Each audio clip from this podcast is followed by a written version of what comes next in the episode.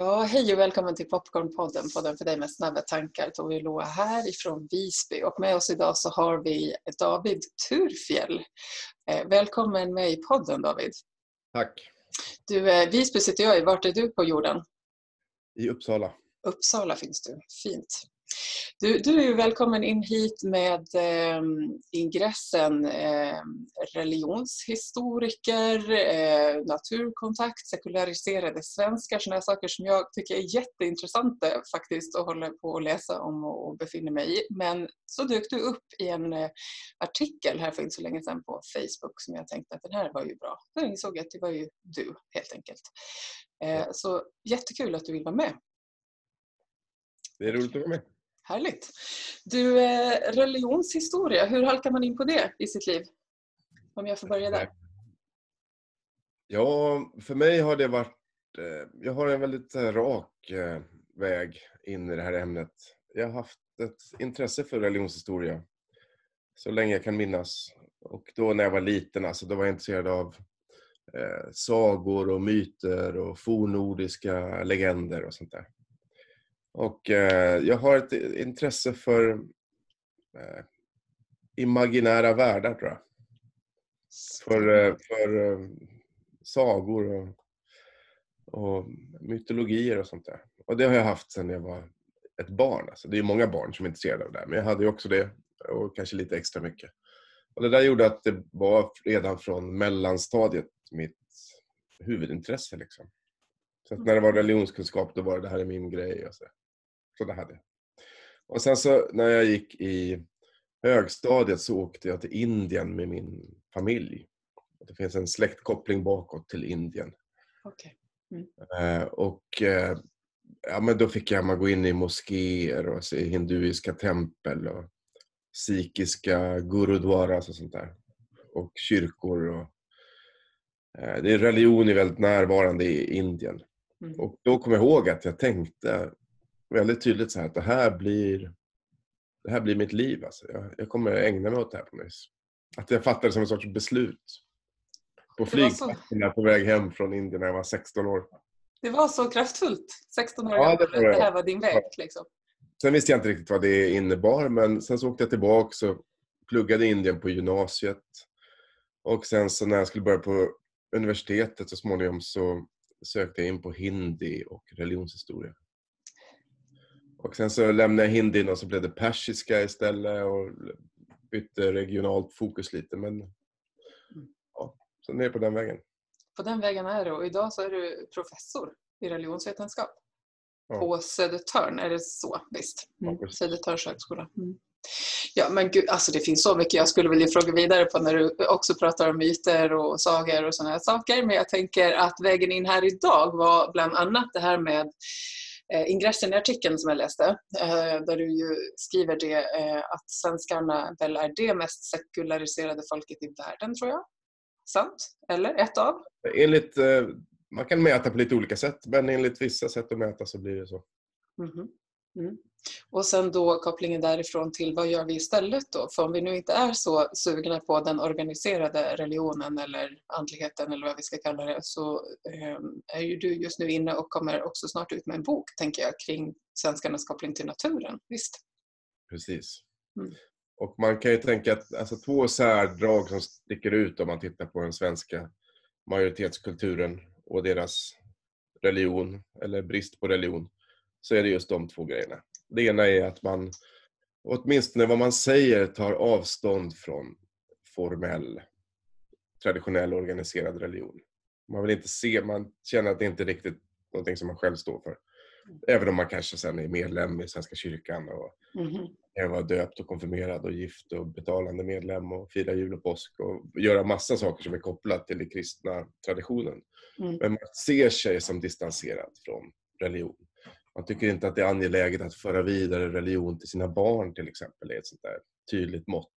Så man har definierat tydligt att det här är inte viktigt för mig? Det är... Ja, precis. Det är inte på frågan, tycker du att barn bör introduceras till sin familjs religion? Så är det en stor majoritet som säger nej.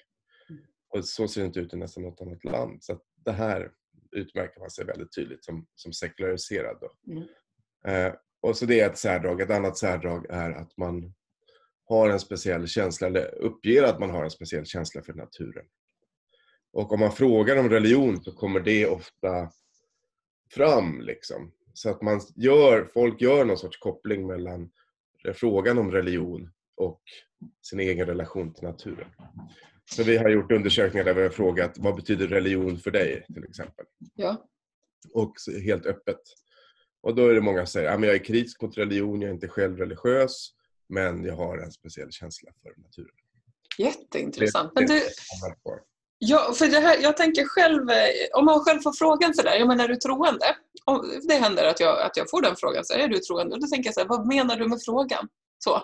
Därför att jag tänker, är det det att man menar då att man ingår i ett visst religiöst samfund, att man har eh, köpt ett helt paket, eller vad, vad menar vi med frågan? Den har varit Och jag tänker, så jag är väl på ett sätt del av precis det du säger, den här eh, inte definiera mig som del av ett helt paket. Även om jag personligen har en jättestark koppling till tro och andlighet och också natur då för att följa det svenska mönstret. Men den här, eh, ja vad är det vi frågar om helt enkelt också? Ja.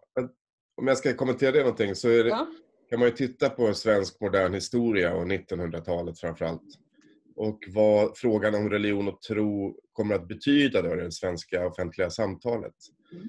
Och då är det ju liksom två sidor av det här. Då. För att först, längre till, sen längre tillbaka i historien, sen 1500-talet och framåt, alltså flera, under flera hundra år av svensk liksom, eh, bondeliv kan man säga, mm. eh, så har ju Sverige präglats väldigt starkt av statskyrkan, som är en luthersk, evangelisk-luthersk, protestantisk kyrka som sköter i princip hela samhällets administration. De bygger sjukhus och sköter fattigvård och har skolor och rättsskipning och ramar in hela liksom, samhällsbygget. Mm. Och, den, den, och de var ju lutheraner då. Svenska kyrkan, en luthersk mm. kyrka. Mm. Och det innebär att för att få vara med i den här, att vara lutheran, så är det en typisk grej att man har inte så hårda krav på vad man ska... Man behöver inte prestera så mycket religiöst. Man behöver inte hålla på och gå i, i massa eh, gå pilgrimsvandring och tro jättemycket och vara så engagerad, utan man är en god samhällsmedborgare. Mm. Man är en god samhällsmedborgare och sen så döper man sina barn och är med i den här gemenskapen. Det är ungefär så. Det räcker mm. för att få räkna sig som kristen. Mm. Det lutherska är inte så, man ska inte hålla på att ha så superstarka känslor eller eh, hålla på med för mycket ritualer och sånt där. Så det, det är det lutherska. Och sen så har det utmanats i vår historia av vad man lite förenklat kan kalla då frikyrkorörelsen. Och den har sina, alltså det finns ju pietister på 1700-talet och väckelse på 1800-talet, men frikyrkorörelsen på 1900-talet. Och frikyrkorörelsen sätter under 1900-talet agendan för det offentliga samtalet om religion.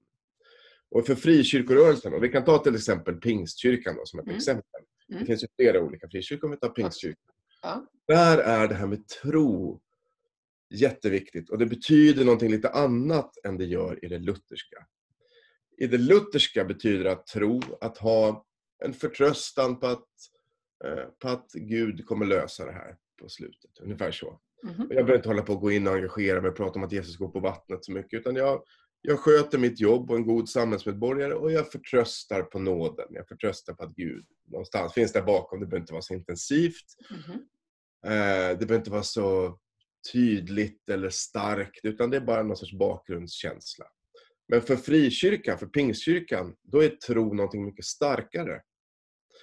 Eh, det är att när jag kommer till tro, då liksom tar jag in den här att Jesus har dött för mina synder och han har räddat mig från helvetets eldar och, och jag omförvandlas i mitt liv på grund av detta. Det är att tro på pingstvis. Så det här är två olika sätt att vara troende. Och i samtalet om tro så blir lutheranerna lite så här, men ah, det är inte riktigt det där vi menar. Det är liksom pingstkyrkan som äger frågan om tro. Och när någon ställer frågan, är du troende? Mm då är det liksom en pingst, då, då för man in samtalet på pingstplanhalvan på något vis. Så spännande, ja. För tro betyder ju då, tro, har, har, du verkligen tagit till dig Jesus? Eller vad det nu kan vara. Men en lutheran då, som harvar på, som är gift och konfirmerad och är god samhällsmedborgare, ja, han känner sig lite obekväm med den frågan. Det är så spännande. Ja, och då har liksom mm. frågan om tro har blivit väldigt starkt pingst. Och då utvecklas ett annat sätt att tala då i majoritetsbefolkningen. De är fortfarande lite så halvengagerade lutheraner. Och då kanske de säger så här, men jag vill inte vara med, jag vill inte placeras in i ett väckelsefack och du ska tro på det här och tro på vad Pingstkyrkan säger. Utan då säger man istället, ja men jag tror på mitt eget vis. Eller jag är lite, ja men jag, ja men jag är inte religiös skulle jag inte säga, men det är klart jag jag har ju någonting liksom. Och så får man hitta olika vaga sätt. Och som är det här typiskt svenska då, som man kan säga. Att vara så vag och inte riktigt säga vad man står för. Och ja, ja, Pingstvännerna blir ju galna liksom. De tycker, men säg nu att du tror på Jesus. Och tror ni inte på Jesus jättestarkt, ja men då är ni inte ens kristna, säger man. Nej. Och det är med den logiken, om man inte tror jättestarkt på Jesus, då är man ju inte ens kristen. Som de här majoriteten också börjar tänka, ja men då är vi väl inte kristna då, men då är vi väl inte religiösa, då är vi ingenting. Då är vi världens mest sekulariserade folk. Mm. Men vi tror på vårt eget sätt. Ungefär så. Jättespännande tycker jag. Det här. Ja, men tack, för, eh, tack för speglingen. Och, och, och, för det här kan jag verkligen tänka att det är så intressant också lite beroende på var man kommer ifrån själv med att svara på frågan. Eh, sådär, just i de här olika eh, ja, men lägren eller facken, planhalvorna som du säger. Ehm, och frågan när jag får denna någon, är du troende? Beroende på vilken planhalva dens perspektiv också eh, kommer ifrån. Tänker mm. jag mig. Mm. Men du, hur blir det här då sen? För, för jag tänker så här, i den sväng jag kommer ifrån, jag är socionom, eh, jobbar mycket med hälsofrämjande verksamhet och där jag tänker att ha ett sammanhang vet man ju eh, är en ganska enormt stark effekt för att ha en god hälsa. Eh, hur, för jag tänker att människan som fenomen behöver ha ett sammanhang för sin hälsa helt enkelt. Hur, hur kan man tänka kring det kopplat till de här kunskaperna du har nu kring eh, historien och nutida sätt att se det i Sverige? Ja. ja, men då kan man ju säga att religion är väldigt mycket kopplat till sammanhang mm. och att, att, som ramverk för mänsklig gemenskap. Det är det som religion är. Och lite förenklat kan man säga att det här statskyrkan, den gamla lutherska, om vi ska knyta an till det, mm. det var ju ramverket för den gamla bondesamhällets gemenskap. Mm. Extremt tydligt sätt. Alltså det var knöt ihop allting. Vi har kungen och kyrkan och familjen och de hänger ihop i ett enhetligt system och alla har sin roll i den här och alla förs in och alla ska döpas och konfirmeras och giftas och begravas. Och så är kyrkan då liksom ramverket för den här gamla mm. tiden. Och det som händer sen då från slutet av 1800-talet i Sverige och i många andra länder är ju att den här gamla ordningen, det gamla liksom samhället eh, bryts sönder. För att man, av ekonomiska skäl, man behöver inte längre familjer liksom, där alla har sin pigorna, pigorna och drängarna och husfar och husmor har sina fixa roller. Det behövs inte längre för att eh, ekonomin och det nya industriella jordbruket och industriella skogsindustrin och så här behöver någonting annat. Mm.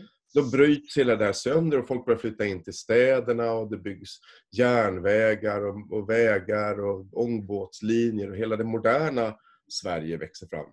Och då kan man ju säga att väckelsen, alltså frikyrkorörelsen, är ju på något vis en, den religiösa gemenskapen för den här nya tiden. För att när den gamla gemenskapen bryts sönder, då öppnar samhället för möjligheten att skapa nya gemenskaper. Och det här kan man säga rent konkret. Om man tänker den gamla byn var ju en kyrka och så en by runt och sen så fanns det åkermark runt. Mm. Och på 1800-talet då, samtidigt som industrialismen börjar liksom smyga sig in, så kommer de här olika skiftesreformerna som gör att de flesta byar i Sverige, de flesta delar av Sverige, så är byarna utspridda så här. Att det finns inga såna här färdiga byar med en, en kyrka i mitten, utan det är en gård där och en gård där. Och man liksom handgripligen separeras från varandra. I det gamla systemet var alla samlade med kyrkan i mitten. Nu är vi utspridda. Och, då, upp, och, det gäller även i överförd liksom, bemärkelse i, i mentaliteten och hela samhället. Och Det där gör att det öppnas upp för möjligheten för andra typer av gemenskaper att ta form. Och då får vi de politiska partierna, vi får idrottsrörelsen, vi får nykterhetsrörelsen, vi får eh, intresseföreningar och massa andra föreningar som kommer. Som är lite mer, ställ, lite mer specifika. Mm. Det är bara de, det är den tårtbit av samhället som är intresserad av just det här, är med i den här rörelsen. Och frikyrkorna är den religiösa delen av det. Så att religion får då en ny form i det här nya moderna samhället som växer fram och den här nya typen av gemenskap eh, som en del av den här nya formen av gemenskap. Så sammanhanget flyttar ut från eh, den gamla tidens kyrkorum så att säga och den typen av samhällsbygge till att bli mera antingen då eh, ja, men exempelvis pingstkyrka eller eh, idrotts, ja, fotbollsklubben. Så intresseföreningen ja, blir den nya. Ja, och sen så lever då, under 1900-talet så lever de här två strukturerna, så är det ju fortfarande, de lever ju parallellt. Alltså det här gamla finns ju kvar lite mm. bak och i, i traditioner och sådär. Och sen finns de här intresseföreningarna. Sen så blir det en speciell dubbelhet där. Mm. Mm. För det är ju intressant, tänker jag, att, att vi vet idag att svenskarna också upplever väldigt, väldigt mycket ensamhet. Även om man kanske har ett socialt sammanhang så upplever man ändå en eh, upplevd ensamhet som ju är intressant kopplat till tro eller religion då också om man säger. Ja. Eh, och jag tänker där så tror jag att eh, det finns, om, om det var i din artikel tror jag, där det handlade om det här med när vi har det svårt i livet, att de väldigt många söker stöd i naturen och känner oss väldigt i kontakt där. Ja. Kan man om jag, se... Om jag får ta upp en till historisk eh, fråga ja. till det här med ensamhet. Ja så är det ju att om när det gäller olika värderingar och, och sådana här saker så sticker svenskarna ut på olika sätt. Och det sätt vi sticker ut allra tydligast i hur vi svarar på enkätfrågor kan man säga. Mm. Eh, kring värderingar och livsåskådning och sånt. Det är ju i fråga om individualism. Alltså här är vi verkligen världsrekordsmässiga. Mm. Och det är alltså, och individualism är ju tron och övertygelsen om att varje individ har rätt att vara autonom. Mm. Alltså att man inte ska tvingas av kollektivet eller sin, sin klass eller sitt kön eller sin åldersgrupp att vara på ett speciellt sätt. Utan vi har var och en har rätt att själv hitta vem man är och att uttrycka det i världen. Ungefär så. Mm. Och det där är ligger bakom det här till exempel att man inte vill att barn ska fostras in i en färdig tradition eller man kanske inte vill att man ska få en väldigt ja, men när det gäller till exempel sexuella preferenser och sånt, man har rätt att eh, hitta vad man själv tycker om och att utveckla det och uttrycka det. Där. Och där, mm. där går vi väldigt långt. Och det gäller också religion. Och det här är någonting som är ett särdrag i vår kultur långt tillbaka i tiden. Så länge man har mätt, alltså, och det är ju sedan början av 1900-talet, så har mm. folk uttryckt det här när det gäller religion. Att vi vill vara självständiga, jag vill tänka själv, jag anpassar mig inte efter, efter liksom fixfärdiga grupperingar som jag ska placeras i. Sen kanske alla självständigt då väljer precis samma sak. ja, precis. Men man har en känsla av att man väljer fritt. Ja, och det är väl den känslan av, ja. Precis. Mm. Ja, och baksidan av den där autonomin då, eller den här självständigheten som finns, den är ju eh, ensamhet. Mm. Det kan bli, för därför att det är, om man tänker motsatsen, och ibland pratar man ju om eh, man kan jämföra olika typer av samhällen. Så där. Och om man tänker sig att den här autonoma, individualistiska samhället, det, baksidan av det är att det finns ju inte massa relationella band. Får jag berätta en liten anekdot? Som, ja, kör! Älskar anekdoter. Ja. Och det, det, är ju det här med eh, hur man inte vill... För att om vi tänker att vi skulle bo i Sydeuropa då, eller kanske Nordafrika eller någon annan del av världen. Mm. Där man, samhället är mycket mer uppbyggt på relationella band. Alltså jag hjälper dig att flytta, då kommer du hjälpa mig sen. Och man lånar mm. ut pengar till varandra. Och man, jag bakar en kaka till dig och så bakar du en till mig. Och så har man massa så här... Man är skyldig varandra saker hela tiden och man binds ihop genom de här relationerna. Och i den individualistiska kulturen så vill man inte riktigt det där. Jag var en gång i Indien eh, med mina barn, de var ganska små. Och så var jag på ett ställe där man kunde köpa glass. Och man köpte glass med kuponger, för det var ett sånt system, det var på en skola. Och de här kupongerna var en rupis kuponger. Det var alltså 10 öres kuponger. Det var inga pengar. Mm -hmm. Och jag hade den här dagen glömt mitt kuponghäfte. Så att jag behövde liksom 20 öre i, i då, kuponger för att köpa glass till barnen. Och jag bara, nej jag har glömt mitt kuponghäfte. Och då frågade jag en tysk kille som var där. Han var tysk, han var europé, han hade också mycket pengar. Och så frågade jag, ehm, skulle jag kunna köpa några kuponger av dig? Och då säger han så här, ja, men du, du får kuponger. Det här är liksom, det är knappt, det är 20 öre, det är några cent, euro, cent, det är liksom ingenting. Ja, men precis.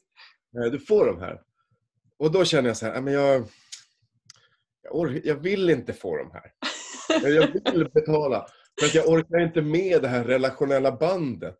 Jag, orkar inte, jag vill bara klära det här nu. Eh, så, att om jag imorgon kommer hit och har glömt igen, då blir det ju pinsamt om jag är redan i skuld. Du vill bli skuldfri liksom? Jag vill, bara, jag vill, jag vill, mm. här. Jag vill vara skuldfri så jag kan vara ja. autonom. Ja, visst. Och då säger jag till honom, kan jag inte få betala? Han bara, får jag betala de här några öre liksom. Det var en amerikan som sitter bredvid där. Och han, det var en internationell skola här, så det var mycket folk från olika länder. Och då säger den här amerikanen så här.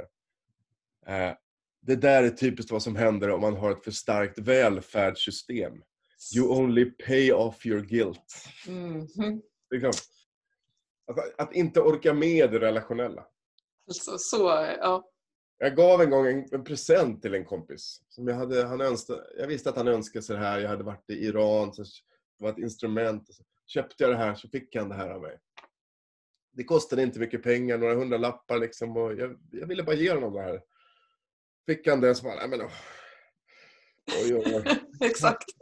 Och sen gick det några veckor och sen så fick jag en kartong med böcker ungefär motsvarande värde. Då måste man hålla på med det där bollandet så att vi inte är vana liksom. Ja, det, och det kan man säga, det är därför, varför har vi det här välfärdssystemet? Jag behöver inte hjälpa en enda tiggare, plocka upp en enda eh, liftare eller göra någonting sånt där eller hjälpa grannarna här så mycket därför att jag har betalt skatt. Jag, har, jag slipper det. Jag har gjort min del. Jag kan vara helt själv eh, i mitt hus och inte interagera med någon annan människa och ändå känna att jag är en hederlig samhällsmedborgare. Precis, vi har byggt in det systemet på det sättet. Men samtidigt i den hederligheten och skuldfriheten så blir vi ju också, eller risken är, tänker jag mig i alla fall, att baksidan på det blir att vi inte heller går in lika mycket i sammanhanget med varandra. För det är också någonting väldigt gott att få vara behövd. Att ibland få vara den som gav de där två kupongerna för glassen och så här, få göra en insats för det var inget som belastade heller. Liksom. Men istället så kommer vi där och vill bli skuldfria så att det blir ju lite Ja, Jag, brukar ta, jag brukar ibland, eh, om man har, kommer utländska gäster, så brukar är man ju där i Stockholm, då brukar jag visa, gå på Kungsholmen där. Så brukar jag säga att det här är världens ensammaste ö. Alltså jag, tror att det är, jag tror att det är det. Jag, tror, eller, jag är inte helt hundra på det här, men jag har läst i någon artikel. Alltså Sverige är ju det land i världen med flest ensamhushåll. Yes. Mm. Flest har det i Stockholm och Kungsholmen just har flest ensamhushåll. Så man kan ta det som en sightseeing? En loneliness tour. Ja. Där bor folk själva. Liksom. Man går in på ICA kan man köpa sig en laxbit. Och jag, har varit, jag har varit i Iran mycket och sådär. från det, de har en väldigt stark kollektivistisk kultur där man hjälper varandra. Och, eh, och det är en fullständig mardröm. Från det att, liksom vara ens, att folk ska vara ensamma. När du sa så så tänkte jag att det var det utifrån vårt svenska perspektiv. Att det iranska hade varit vår mardröm. Kan man också tänka så? Eller blir det lite för långt? Ja, vi är väldigt, väldigt måna om att, eh, om att behålla den här autonomin. Jag har mm. tänkt på det till exempel. Det, det, alltså det, jag säger inte, jag går inte emot det här påståendet, men om man tar det i samband med Corona här. Mm. Då har ju en... Eh, det här slog mig som väldigt svenskt på något vis när man rapporterar då att det finns en stor risk med det här därför att folk, nu kommer barn vara hemma liksom och träffa sina föräldrar hela tiden och, och släkten och där kommer det bli hedersförtryck och, och eh, misshandel. Det, jag förnekar inte att folk får illa i hemmet. Nej, nej, absolut. Mm. Men att i, inför tanken att vara tillsammans med sina familjegemenskaper tänka, se upp här nu, här finns det någonting farligt, nu kommer de få stryk och, och eh, lite att det är liksom en spontan reaktion på den grejen är ju väldigt... väldigt... Det är, jag håller verkligen med. Jag, jag, är helt med på, på tanken och det är väldigt intressant. Absolut. Och på tal om Corona så kan jag också tänka att eh, på andra hållet så kan jag uppleva att i mina nätverk i alla fall så upplever jag att folk har hittat ut i naturen på de här månaderna som Corona har varit i Sverige otroligt mycket mer. Istället för att säga, men kom hem på en kaffe så är det ju vi, vi ses i skogen, havet, på uteplatsen. Jag upplever att det är en enorm skillnad av att få hämta hem eh, igen kontakten med natur för de som inte förut eh, kanske var där lika mycket. Är det något du upplever också att du har sett i dina eh, ja, men så är det ju helt klart. Eller det där har jag hört från massa olika håll. Jag har också varit ute och vandrat lite själv och man märker att det är en helt annan uppslutning mm -hmm. på, i de här strövområdena. Ja. Och den här senaste boken som kommer här nu om någon månad, Granskogsfolk, som den heter, då, den är ju baserad på intervjuer med folk i, där de flesta har jag hittat i sådana här strövområden kring Stockholm och Uppsala. Och eh, alltså Tyresta nationalpark och Nackareservatet och Järvafältet, sådana här liksom vandringsområden som finns.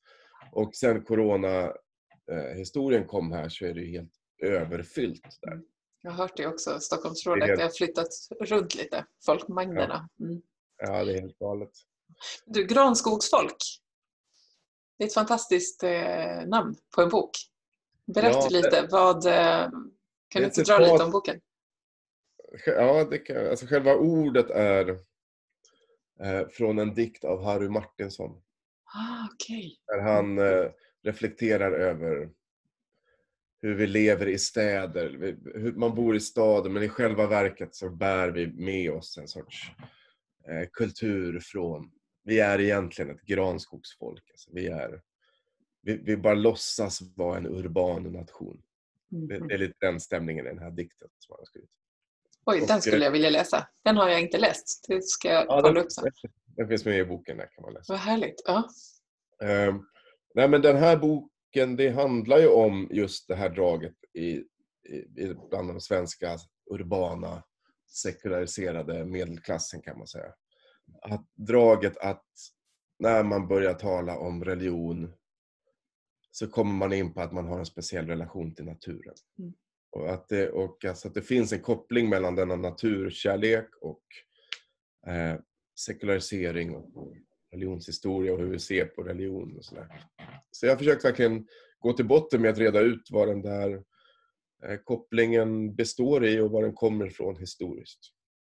Så kan man säga boken, i boken så börjar jag med, jag har intervjuat då, vi är flera, det är ett internationellt projekt här så vi har en dansk och estniska kollegor och vi har intervjuat folk i Norge, Danmark, och Estland och Finland också.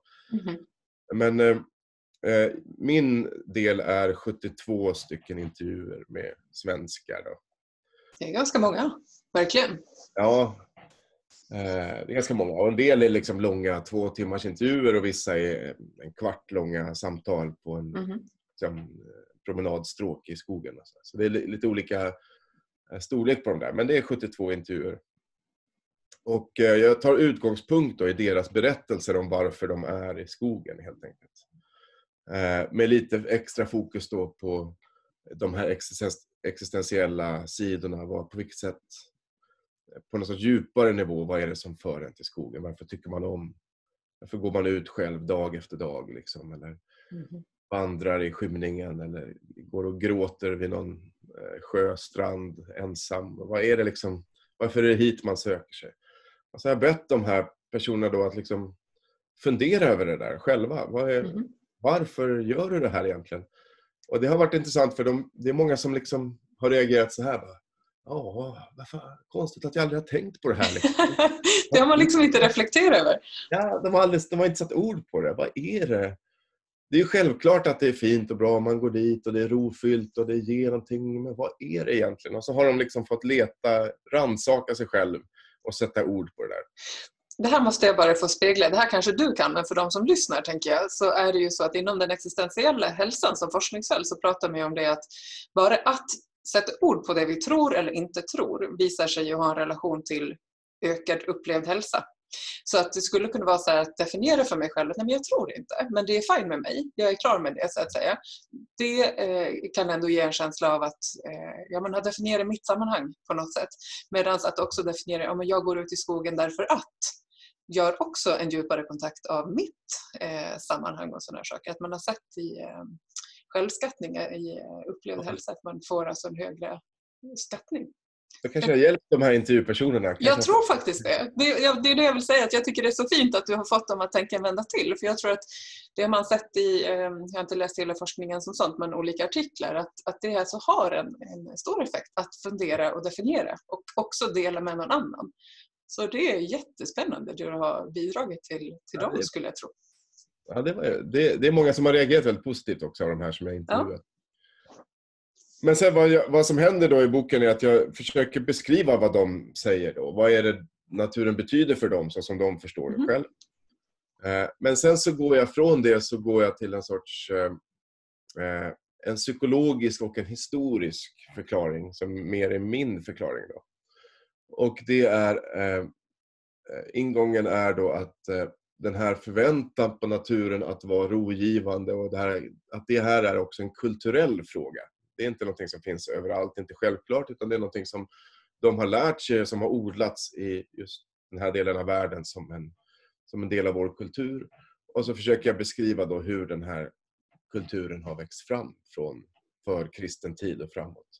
Så att jag pratar om, det finns ett kapitel om innan kristendomen, alltså den, hedniska traditionen här och asatron och liksom vad, vilken roll hade naturen då för folk på den tiden och, mm. och vad hände när Sverige blev katolskt under 500 år och hur den gamla naturtillvändheten levde vidare i en sorts kristen katolsk skepnad i folktron och i, i, som man kan se i folksagor och i ortsnamn och i, i de kulterna kring olika helgon som var en sorts naturkulter. Och, hur gamla heliga källor blev trefaldighetskällor och sånt där. Och sen kommer reformationen och Sverige blir protestantiskt i 500 år. Och hur det här lever vidare på ett annat sätt då i den, i den, liksom, eh, i den lutherska eh, statskyrkan och liksom, eh, kopplingen till jordbrukssamhället och till växtligheten. Och, sånt där. Mm. och sen så leder det här fram då till berättelsen om den moderna tiden när det här gamla bondesamhället bryts upp och människor faktiskt handgripligen fjärmas från naturen i och med att de flyttar in till städer och blir... Mm -hmm. eh, och, och, ja. Nu är vi väldigt fjärmade från naturen. Vår tid, ta, ta, bara de här grejerna, hur vi räknar tiden, hur vi jobbar, hur, vi, hur barnen leker när vi går och lägger oss, eh, hur varma vi är, vad, vi, vad maten vi har på bordet. Mm. Ingenting av detta är ju kopplat till det som växer runt omkring på det sätt som det var förut. Utan vi är ju helt fjärmade. Mm. Och om man tänker när, man, när jag var liten, växte upp på 70 80-talet. Ja men då var ju naturen närvarande, eller vädret var ju närvarande för att man lekte ute hela tiden. Precis. Det gör ju inte barn i samma utsträckning nu. Utan de leker ju i Minecraft eller i sina världar eh, där det också finns natur. Eller Ja, på sin höjd kan det ju regna i Minecraft-världen. Liksom. Ja. Mm, det är ju, det är så. visuell, så ja, bandet till den verkliga naturen är liksom, mm. har, har klippts. Ja, och det där är... Ehm, jag har funderat på det i mitt eget liv, för jag är uppvuxen i en familj där vi har varit mycket ute i naturen. Jag liksom fick min första kniv när jag var fem och barn skulle lära sig hantera eldknivar och vatten. Så här, min militärpappa var noga med det. Och jag ser ju idag att jag kan ge vidare det till min son, att vi är ute. Och, och jag liksom definierar för mig själv att men jag tänker att det här är viktigt. Därför att naturen är för mig en viktig plats att få vila i. Och jag tänker också att vi människor har gjort oss till någonting väldigt annat än naturen. Vi bygger in oss i hus och fjärmar oss ifrån liksom, eh, från naturen i min egen personliga ingång. Så att ge vidare naturkontakt tycker jag är en av mina största så här, gåvor som förälder. faktiskt. Ja. Jag känner samma sak. Ja. Jag har också varit eh, jättemycket ute och försökt ta med barnen och engagerat mig som scoutledare för att få in någon sorts veckorutin på att vara mm. ute i skogen och elda och sånt där. Ja, det har någonting väldigt äh. gott att komma hem med de där rosiga kinderna och laga maten ute ibland. Och, ja. Ja. Det finns ju också en rörelse då i, i ja, men eh, globalt alltså, men det är väl framförallt i Europa och USA, och västvärlden, även i Japan och Korea och sådär. Som är just den här idén om att naturkontakt i sig är någonting väldigt eh, rogivande och helande. Och att det är helande inte bara fysiskt och liksom det, det är ju handgripligen då att man mm. frisk luft och motion och sånt där. Mm. Eh, och även själsligt och psykiskt och, och sådär. Men även socialt. Mm. Det finns en, en tanke om att man eh, det läker liksom sociala band. Och det finns ju eh, många olika terapeutisk naturkontakt. Alltså rörelser, ofta kopplat kanske till mindfulness. Yes. Eh, det finns liksom den här skogsbadsrörelsen. Det finns, mm. Eh, det finns en lång radda olika sådana där mm. tankar. Mm. Och då är ju erfarenheten där och det man försöker odla, det är att naturen av sig själv skapar någonting. Det är bara, det är bara att gå ut och vara en stund så kommer någonting hända. Det finns en amerikansk sån här naturkontaktsperson som heter John Young som är väl någon fågelskådare från början men som tar ut barngrupper. Och då säger han till, jag såg en intervju med honom, då säger han till föräldrarna så här eh, att ja, men vi har, vi har ett, liksom en läroplan och vi har massa aktiviteter och vi ska göra allting för då är de nöjda med att det här är bra. Men vad han i själva verket gör är att han bara släpper ut unga. så smart. Och sen, de, de, får bara vara i skogen och sen så får, får de ha en vuxna personer som lyssnar på vad de har upplevt och tar dem på allvar. Och det är de, liksom pedagogiken i det. Ja, det är pedagogiken. Och liksom, vad såg du där? Lyssna. Ta deras upplevelser av vad det kan vara för pinnar och träd och djur. Och Tala om mindfulness, det är ju en levande meditation de gör på något sätt. Att vara närvarande och få eh, uppleva eh, ja. på det och sättet. Det finns många, I många mina intervjuer så är det många av dem som berättar att de promenerar. Det är många som promenerar eller går eller vissa joggar kanske eller cyklar. Och så här. Men de flesta som jag pratat med de promenerar. Då promenerar de raskt. Ja. Just det. Och så berättar de att när de har gått ganska länge, vissa säger att de måste gå i liksom två timmar eller någonting. Eller vara ute i två timmar, då händer någonting. Det skiftar. Mm. Ja, då kickar liksom naturen in på ett vis. Mm. Och i de här, de här skogsbadsgrupperna så berättar man att efter en sån period så och slappnar av liksom, socialt också i gruppen. Jajamän. Mm. Eh. Faktum är att i podden här i ett antal avsnitt tillbaka så hade jag med en, en vän till mig som eh, just nu utbildar sig till eh, skogsbadsterapeut. Eh, och vi har ett annat avsnitt på gång, jag tror det är avsnittet efter dig faktiskt, som också kommer handla om eh, naturkontakt. Så att det, vi har liksom lite ingången och lite med flit har jag ju valt den ingången utifrån hashtaggen här, snabba tankar och med nervsystem som kanske är lite överaktiva i modernt samhälle på information och sådana här saker, oro, stress, ångest eh, som väldigt många har. Jag menar, det är ändå en, vår tids folkhälsoproblem, ett av. Så tänker jag att naturen har ju också en enormt läkande kraft eh, som du var inne på. Bortsett från det vi nyss pratade om, som du definierade väldigt fint, så tänker jag att det är också en plats för hela vårt nervsystem att vila. Att kroppen inte behöver avkoda all den här eh, teknologiska informationen hela tiden och så. Så jag tänker att det finns för den som lyssnar en enorm hälsoeffekt bara att gå ut och vara. Att man inte behöver kanske vara ute flera timmar för den effekten utan att på en ganska kort stund kan vi låta nervsystemet vila och få återhämta eh, och läka mycket faktiskt. Det finns ju teorier om, alltså som kommer från lite mer medicinsk eh, och psykologisk och psykiatrisk forskning om just det där. Mm.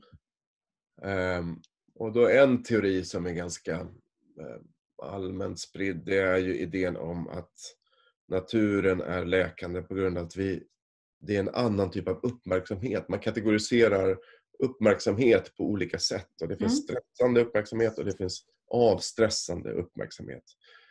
Och det är, som är kopplat till i vilken utsträckning det man uppmärksammar då är, eh, skapar en sorts uppgift. Om jag ska hålla uppmärksamhet på min e-mail till exempel, då är den kopplad till en massa uppgifter och förväntningar som jag måste göra, vilket gör att det blir stressande.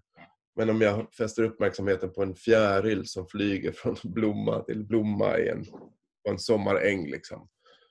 det är också uppmärksamhet men den eh, är läkande. Då, men sen är det ju förstås så, det har jag skrivit om då, eh, att eh, det är också kopplat till eh, en förväntan. Alltså vårt, vår, vår, vårt system, vårt, liksom rent kroppsligt och känslomässigt och psykologiskt, så är ju vår, det sätt vi som kroppar och hjärnor reagerar på omgivningen är ju också färgat av den förväntan som vi har på omgivningen. Så att om vi har en plats, ta en gammal skola som man har gått på och blivit mobbad. Mm. Så kommer man i närheten av den där skolan, då kommer man ha en omedveten och medveten kanske förväntan på att nu blir det farligt här. Mm. Och då kommer man uppleva ångest när man kommer nära. Mm. Yes. Och, och, jag har intervjuat en, till exempel en från, från eh, Colombia om, om hennes relation till naturen och hon har inte alls någon positiv relation.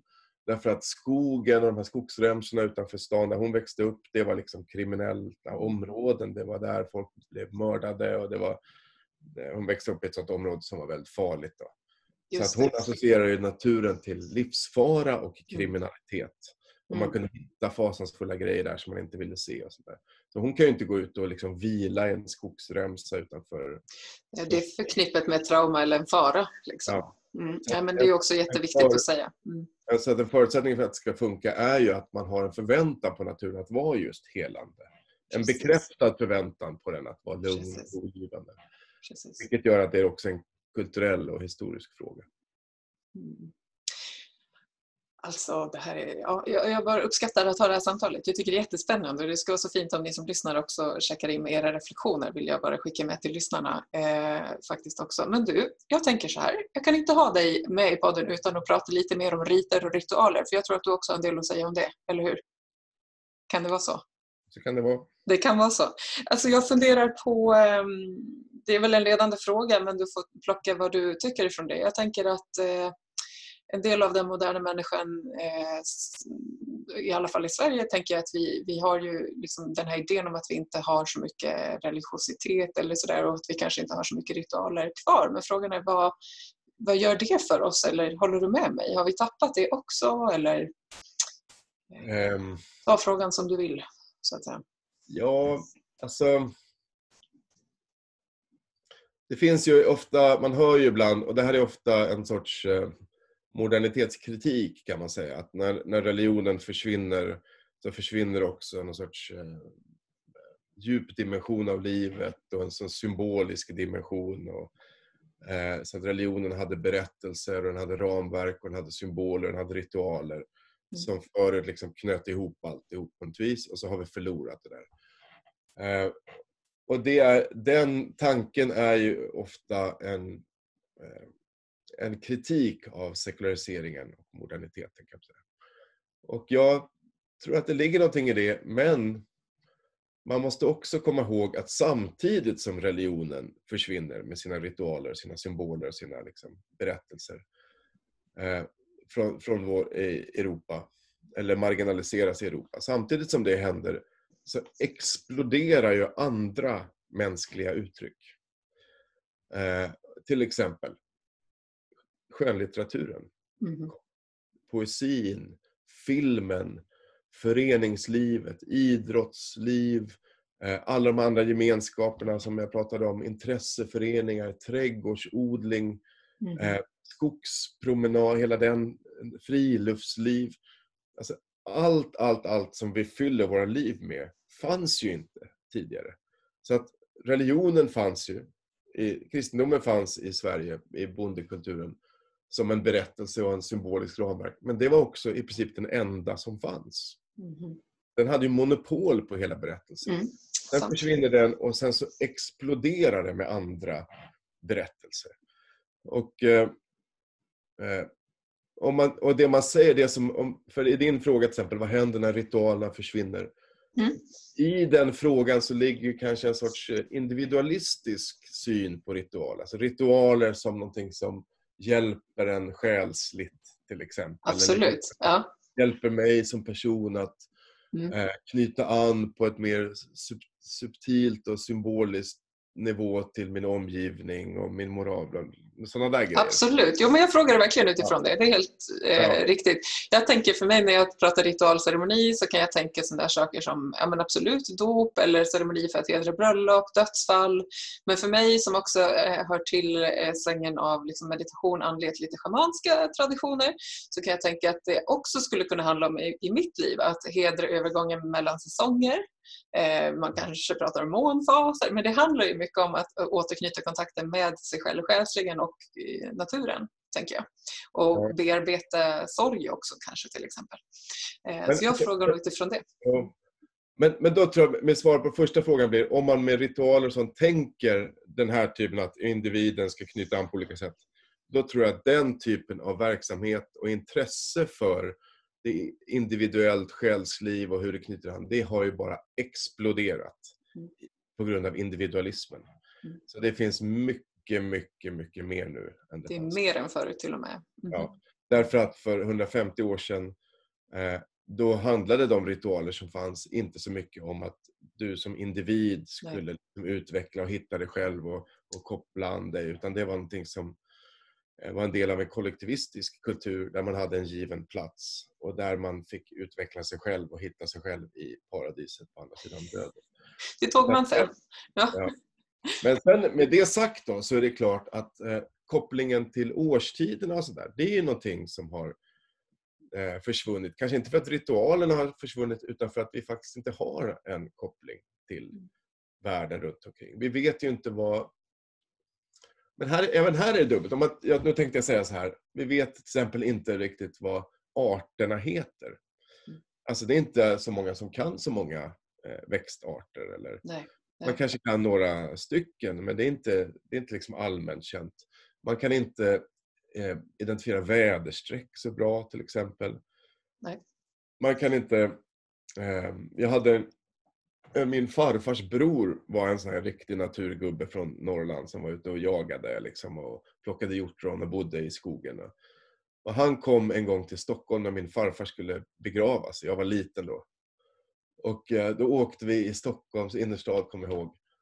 Och så, och han var helt ointresserad av allting som hade med stan att göra.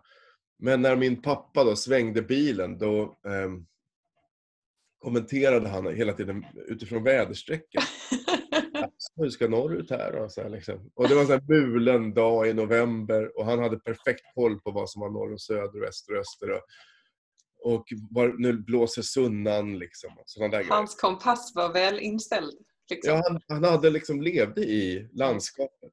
Mm. Och det, det gör ju inte vi eh, alls. Och det är såklart så den, den handgripliga kopplingen till naturen och vädret, årstidernas växlingar, den, den finns ju inte. Och då måste, om man vill ha den, då måste man odla den då. Mm. Till exempel genom, om man vill vara lite eh, hednisk, med olika väderstreck ja, precis. och, precis. och elementen och koppla ner och sådär. Ja, men precis. Men det är intressant att du säger att å ena sidan då så kan det explodera men att det också då har sin bas i det individualistiska faktiskt. Ja det är ja, spännande, spännande tema. Mm. Men jag tänker att det har vi ju, min idé om det, du får gärna spegla det om du ser det på något annat sätt, men jag tänker att vi i vårt samhälle som är så pass rikt som det är så har vi också råd att eh, hålla på med självförverkligande, självutveckling. Ja. Mer än vad vi hade förr i tiden när vi byggde ett kollektiv och att vi var tvungna. Så lite som du var, jag tror du var lite inne på det om jag tolkar dig rätt. Att någonstans först så behövde vi ett community för att eh, samhället skulle klara av. Men sen ju rikare vi har blivit har vi kunnat ja, men igen då, för att koppla tillbaka till köpa oss fria också från det communityt. Vi kan vara mer individualistiska för att vi också har råd kanske att vara det. Kan det vara? Jo, men så, så är det väl helt klart. Sen kan man om man vill vara lite så här äh, skeptisk så kan man fråga vem är det som driver detta? Vem är mm. det som vill att vi ska vara individualistiska? Och det kan ju vara att vi själva vill det. Eh, med att vi faktiskt, det är det mänskliga att få vara och få uttrycka sig själv och så här. Men det är klart, en annan skulle säga att det här är ju eh, ett, det ekonomiska systemet som pressar oss att vara så här. Därför att det mm. driver ju också fram konsumtion. Mm. Eh, och en väldigt viktig del av att eh, få folk att köpa mycket grejer mm. är ju att de vill uttrycka sig själv och hitta sig själv och hitta sin egen smak. Och sånt där. I det gamla bondsamhället så var det ju, är du 15-årig flicka från bond, en bondfamilj, då ska du ha den här klänningen. Och den, den ska se ut exakt så här. Mm. Och när den går sönder ska du lappa den och när den inte går att lappa längre då ska du köpa en exakt ny. Mm. Om du inte har gift dig, för då ska du få den här istället. Liksom. Mm, det var liksom inte så lika stor repertoar att välja på, eller vad? Det, det var mer ja. klart, klappat och klart. Mm. Det är ju när, när de här kapitalistiska hjulen också börjar snurra och man börjar få ett konsumtionssamhälle. Det, det som går ut på att tillväxten ska öka mer och mer och mer och man ska få folk att konsumera mer och mer.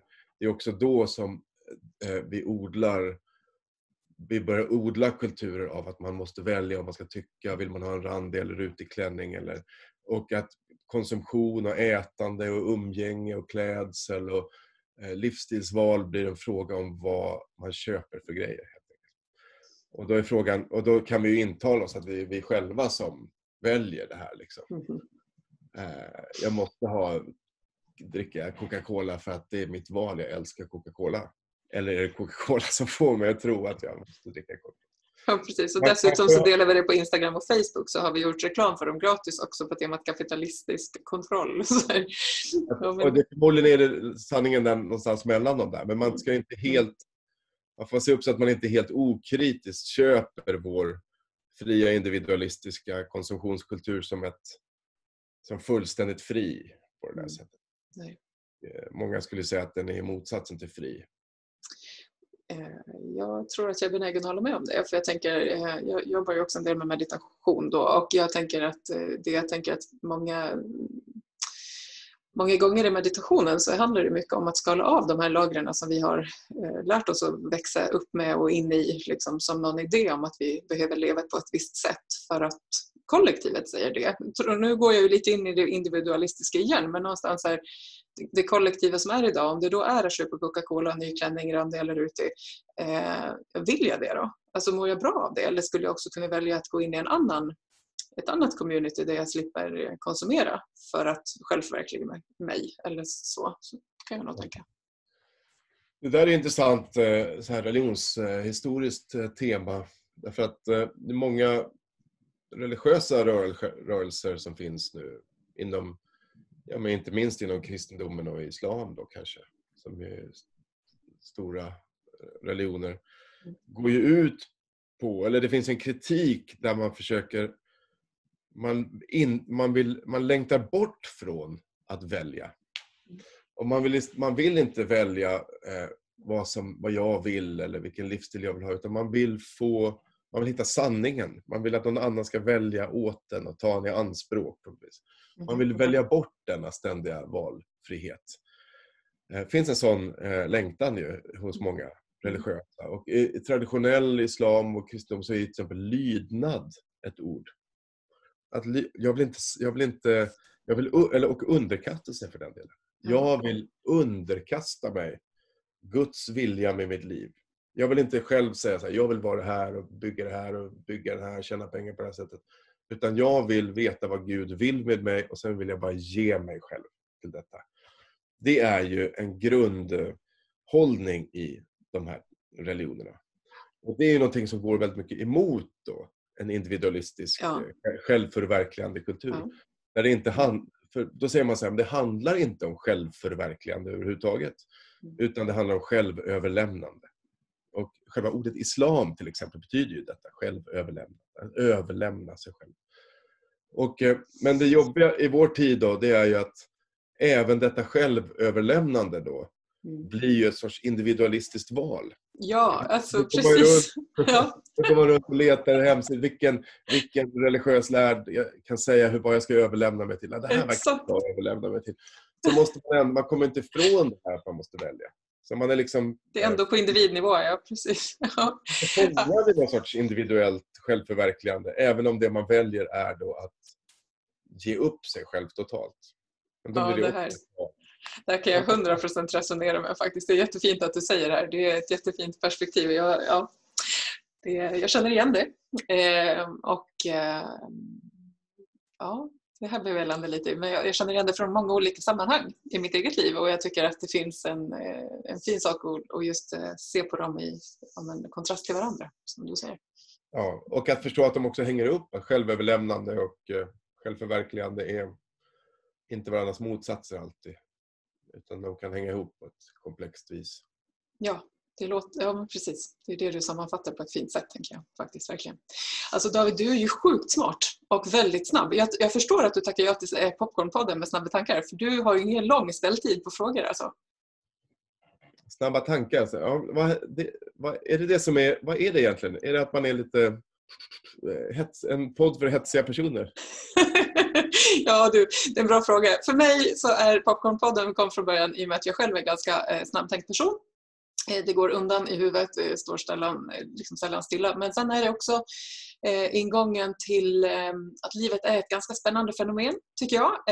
Kan bjussa på en del underhållning att vara människa med allt vad det är av upp och ner och att eh, jag tror jättemycket på att dela sammanhang. Eh, det var jag inne på förut. Jag tror att människor behöver få spegla sig och lyssna på varandra och att vi behöver få dela dela samtal och förstå att vi är fler som gör samma resa på jorden. Och då tänker jag så här, på temat underhållande i livet så är ju popcorn också gott när man kollar på underhållning och lyssnar på bra saker. Ja. Så det var inte mycket svårare än så. Snabba tankar eh, som i kreativa, snabba puckar. Eh, och så vet jag att många som lyssnar eh, befinner sig inom NPF-spektrat eh, med eh, snabba tankar på det sättet, att det matar på.